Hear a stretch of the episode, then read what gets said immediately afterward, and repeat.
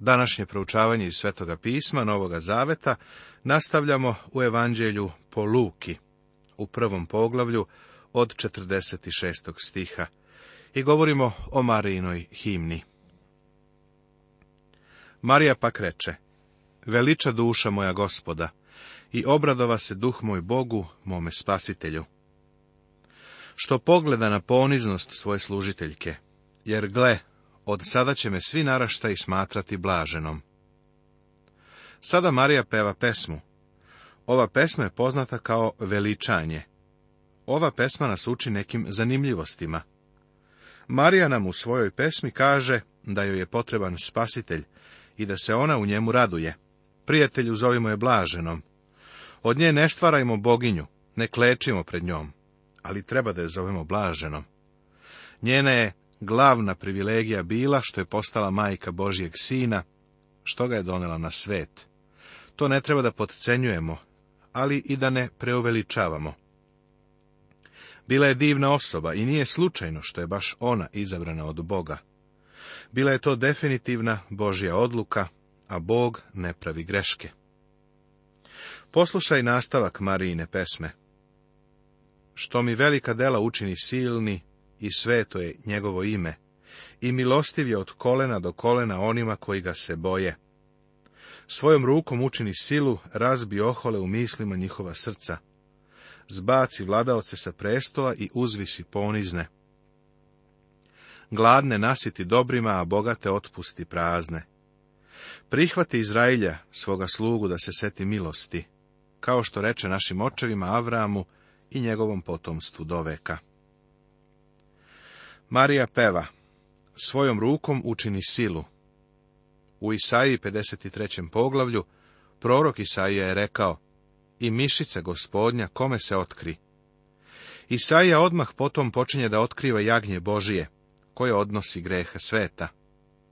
Bog je pokazao silu svoje ruke ili mišice i pokazao je silu i ljubav u spasenju koje je podario čovečanstvu. Marija u svom hvalospevu spominje i Avrama. Više se spominje Avram nego bilo koja druga osoba iz Staroga Zaveta. U stvari na ljudskom nivou više je rečeno o Avramu nego o bilo kome drugome u Bibliji. A Marija osta s njom oko tri meseca, pa se vrati svoje kući. Jovan je rođen i dato mu je ime. Preostali deo ovoga poglavlja beleži rođenje Jovana Krstitelja, i Zaharijinu pesmu. Istaći ću samo neke značajnije delove. Jeli saveti pak dođe vreme da rodi i rodi sina. I čuše njeni susedi i rođaci da joj je gospod ukazao veliku milost, te se radovahu s njom. A u osmi dan dođoše da obrežu dete i nazivahu ga Zaharija, po imenu njegovog oca. Ali njegova majka progovori reče ne, nego će se zvati Jovan. Prvo su bebi dali ime po ocu. Međutim, Jelisaveta je otvoreno rekla da će se on zvati Jovan. Rekoše joj, nema nikoga u tvojoj rodbini koji se tako zove. I namagnuše njegovom ocu da kaže kako bi on želeo da se dete zove. I zaiska pločicu za pisanje pa napisa Jovan je njegovo ime. I svi se začudiše a njegova usta i jezik se odmah otvoriše, pa govoraše slaveći Boga. U to vrijeme bebi se obično davalo porodično ime, ime nekoga iz porodice. Kada je došlo do toga kako će se beba zvati, rodbina je smatrala da će mu biti ime Zaharija, što bi mi rekli danas Zaharija mlađi, pretpostavljam. Jelisaveta ih je ispravila, ali su se oni okrenuli ka Zahariji. Pošto on nije mogao da govori, napisao im je, zvaće se Jovan. Ime mu je već bio dao Bog, prisutni su se čudili zbog imena. Nakon toga Zaharija je ponovo progovorio i trenutno je počeo da slavi Boga i da mu peva. Iako nije imao mnogo vere kada se beba rodila, on se radovao u Bogu. Ponovo da kažem, nedostatak vere koji se pokazao kod Zaharije osobina je mnogih od nas. Kada Bog usliši naše molitve, onda se pokrenemo i radujemo. Ponekad mislim da razlog zbog kojeg Bog uslišava molitve nekim od nas slabijih pobožnih ljudi jeste da bismo imali zbog čega da se radujemo.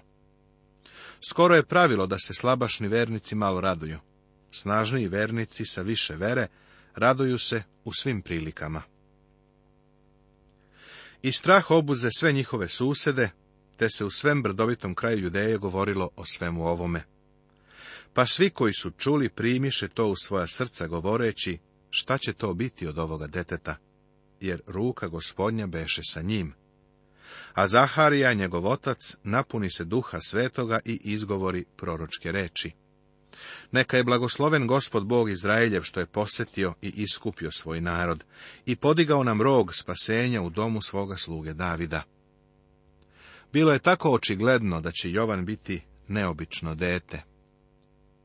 Nakon što je Jovan rođen, Zaharija, koji je bio nemo oko devet meseci, ne samo da može da govori, nego i peva solo. Saveta je pevala prvu pesmu, Marija je pevala drugu, pa je sada ispravno da i Zaharija otpeva pesmu. Njegova pesma je proročka. Iako Zaharija nije iz Davidove loze, on uviđa da će njegov sin biti prethodnik Isusa Hrista, kao što su predskazali Malahija i Isaija. Jovan će objaviti Mesijin dolazak. Prisustvo preteče, glasnika, ukazuje na to da ni Mesija nije daleko. On uskoro dolazi.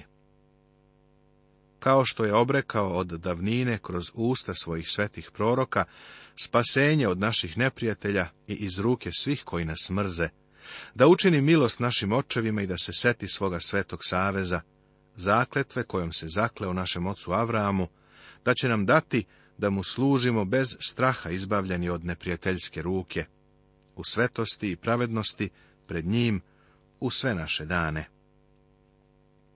Bog je ova obećanja dao Avramu. Marija, Jelisaveta i Zaharija su verovali da će obećanja data Avramu biti ispunjena, ima danas nekih ljudi koji su se predali i ne veruju da će Bog ispuniti obećanja koje je dao Avramu. Prijatelju, ako veruješ da će Bog tebi ispuniti ono što piše u Evanđelju po Jovanu u trećem poglavlju 16. stihu, nemaš prava da odbijaš obećanja koja je Bog dao Avramu. A ti, dete, zvaćeš se prorok svevišnjega, jer ćeš ići pred gospodom da pripremiš njegove puteve, da naučiš njegov narod da je spasenje u oproštenju njegovih grehova, milosrdnim srcem našega Boga, kojim će nas posjetiti svetlost sa visine. Da zasvetli onima što sede u mraku i senci smrti, da uputi naše noge na put mira.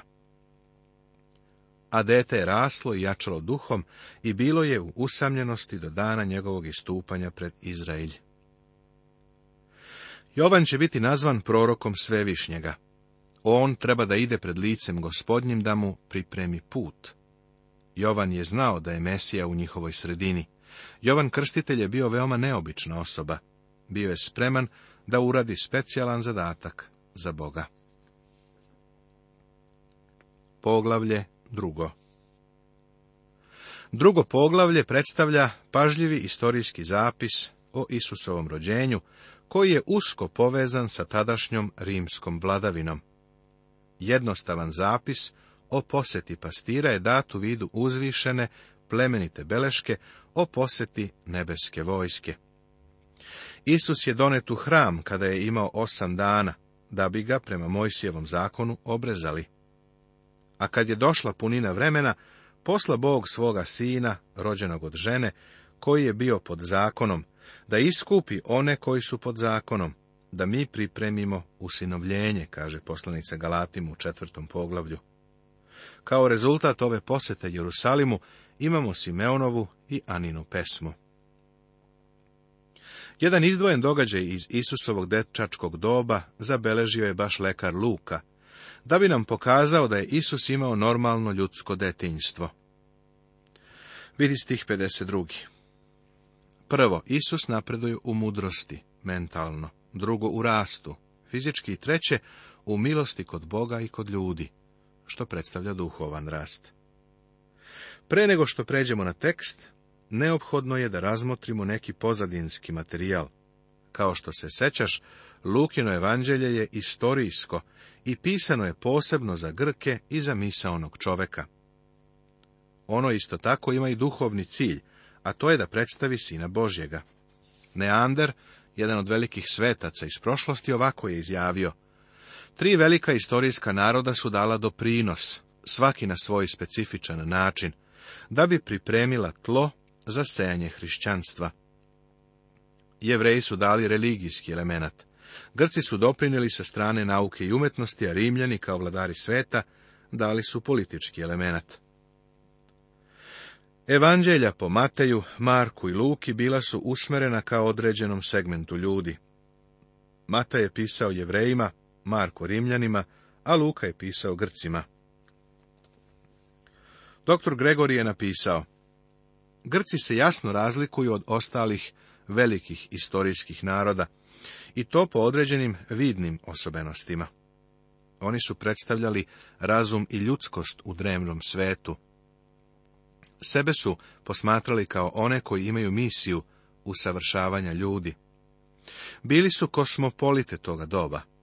Svoje bogove su stvarali po uzoru na ljude, pa su tako ljudskoj kulturi pridružili krajnju svetovnost i bezboštvo. Pavle je bio prava osoba koja će otići u Atinu, da bi Grcima rasvetlio njihov oltar koji su podigli nepoznatom Bogu.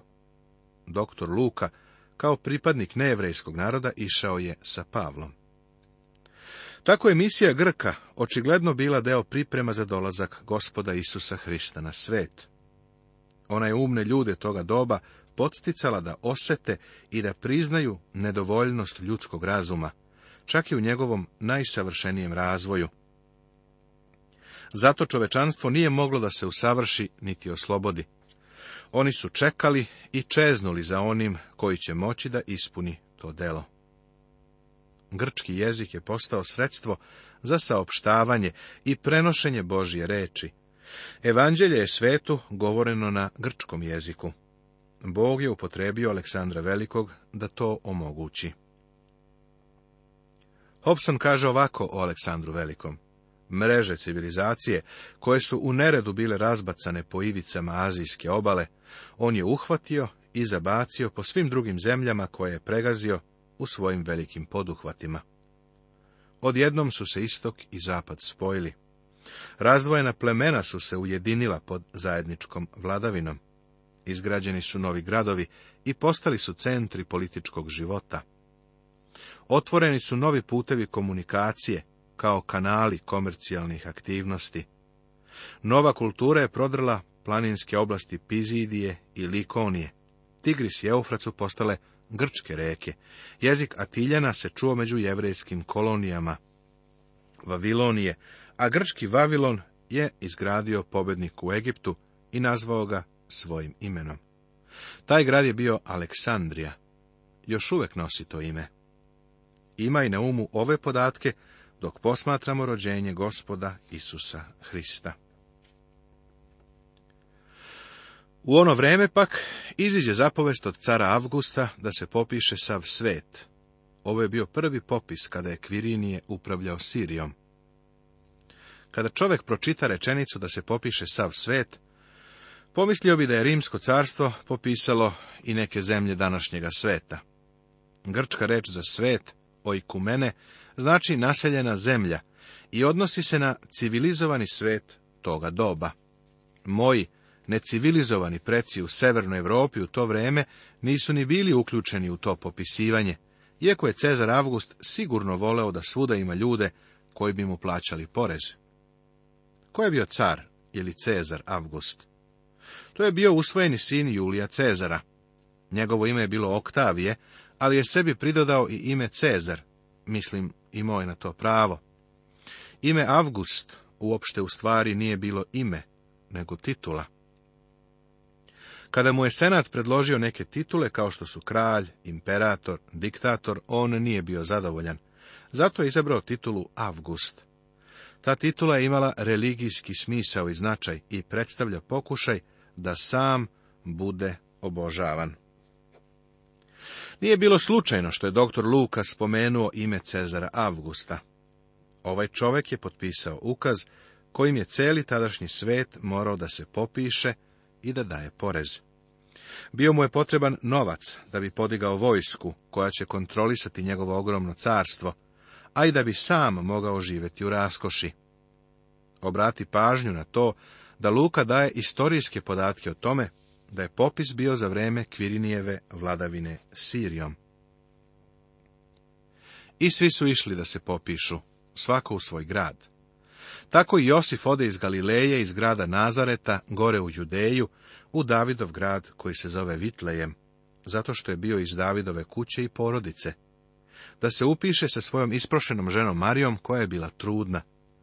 A kad su bili onde, dođe vreme da ona rodi, i rodi svoga sina prvenca, te ga poviju pelene i metnu jasle, jer za njih nije bilo mesta u gostionici.